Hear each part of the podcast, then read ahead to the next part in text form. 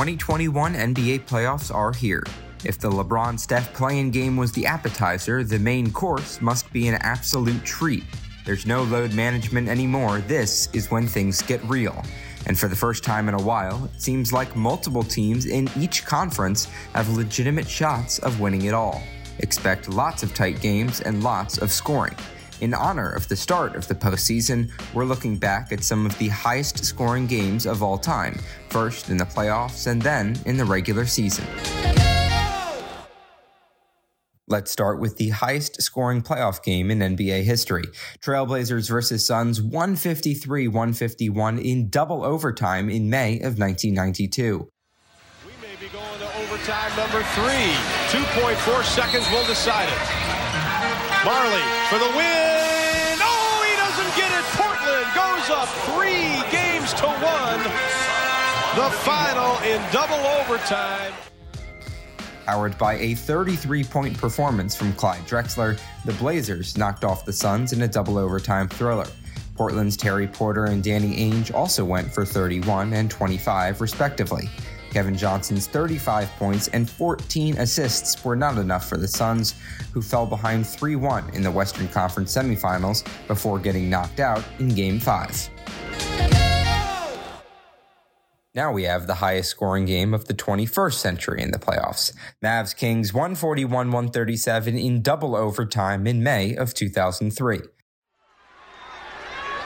Off they go. Three point game. They're going to do it on the run. Jackson for the tie. Missed it. Rebound Bell. And did we get a foul call? Yes, we did. So the Dallas Mavericks are on their way to a 2 1 series lead. 31 points from Steve Nash, 25 points and 20 rebounds from Dirk, 40 points from Nick Van Exel. Yep, you heard that right. Van Exel was the leading scorer on that star studded night. Peja Stojakovic's 39 point performance wasn't enough for the Kings, who went on to lose the series in seven games. We've got a tie for the highest scoring game in regulation in postseason history. First is Nuggets Spurs 152 133 in April of 1983. George Gervin powered an offensive explosion from the Spurs, pouring in 42 points and grabbing 10 rebounds in a winning performance. Three of his teammates went for at least 20 points, while Dan Issel dropped 28 for the Nuggets. Second is Knicks Celtics 157 128 in April of 1990. 58 points off the Boston bench today.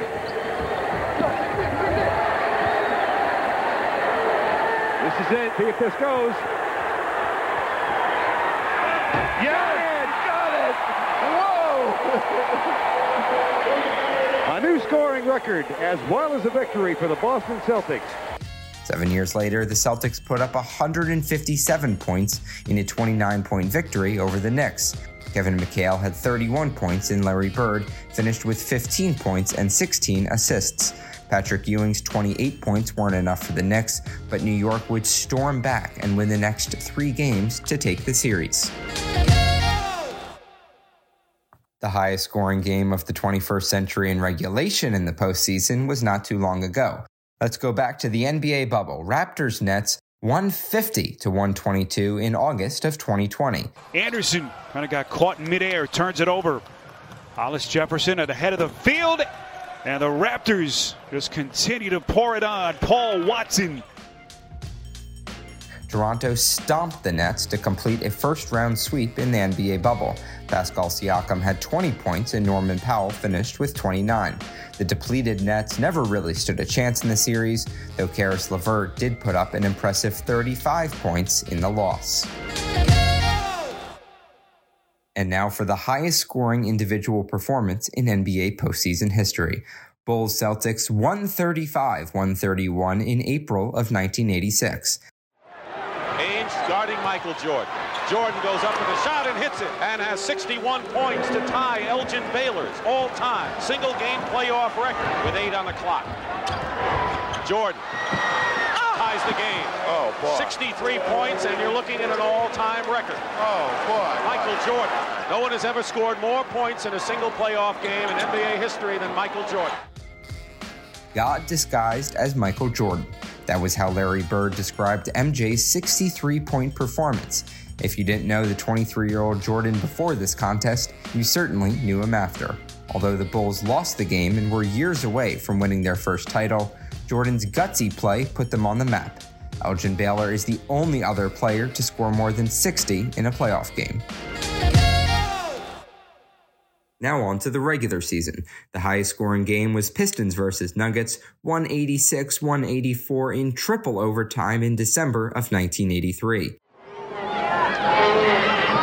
Isiah hits the first free throw. It's Isiah hits his no, spins off on the second, it's a rebound. In the forecourt for Anderson, his shot at the horn is partially blocked, but it goes in anyway. 186, 184, a second to play, and now it's over. Unreal. The Pistons win this thing in Denver. Unreal. 186, 184 is our final score. This game also doubles as the highest scoring game of all time. The box score reads like an absolute doozy. Four players dropped more than 40 points, and Kiki Vandeweghe led the way with 51 for the Nuggets, albeit in a losing effort. Isiah Thomas played 52 minutes and scored 47 points for Detroit. The kicker, there were only four threes attempted in the entire game. Both teams were one of two from beyond the arc. The highest scoring regular season game of the 21st century was Bulls Hawks, 168 161 in quadruple overtime in March of 2019. Zach burning a lot of clock. Gets into the lane. Throws it up and in off the glass. Ball from out there. Here is Adams. Missing the three. Rebound Chicago, and that will do it.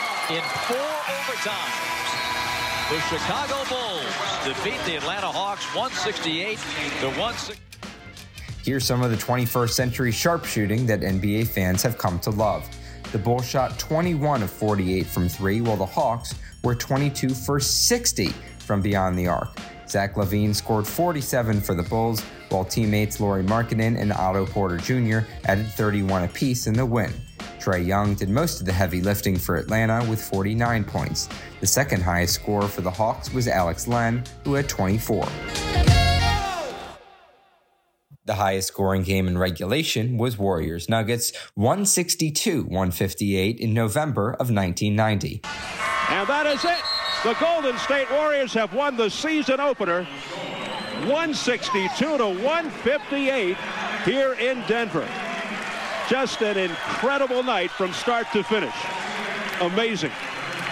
I never thought I would broadcast a game with this many points. And it happens in the season opener. This bout was quite the way to start Denver and Golden State's 1990-91 season. Chris Mullin scored 38 points and Tim Hardaway had 32 to go along with 18 assists in the Warriors' W. Orlando Woolridge had a team high 37 for Denver.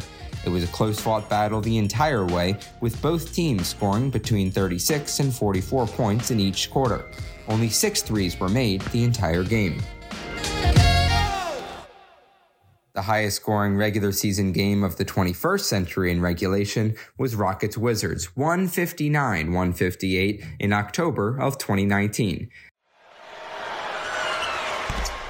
Misses it. Hachimura. It's taken away, and Houston is going to win the game. You knew we had to get to these Rockets eventually. Of Houston's 103 field goal attempts on the night, 54 came from three. James Harden finished with 59 points, and Russell Westbrook put up a triple double, as always, in the victory. Bradley Beal had 46 points for Washington, while four Wizards scored in double figures from off the bench. And now for the highest scoring individual performance of all time. We go to Hershey, Pennsylvania for the Warriors against the Knicks 169 to 147 in March of 1962. Has the shot at a 100-point game tonight. He's already broken his own record of 78 points in a game. He's scoring at will now. Jump shot, good.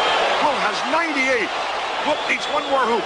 He gets a pass, grabs it, and dunks it through. 100 points for Wilt Chamberlain. The most amazing one-man show in basketball history. the record that will likely never be broken Wilt's 100 point performance. Chamberlain shot 36 of 63 from the floor, 28 of 32 from the free throw line, and nabbed 25 rebounds on the night. Four of his teammates scored in double figures, while three players dropped at least 30 points for the Knicks. We'll remember this one forever.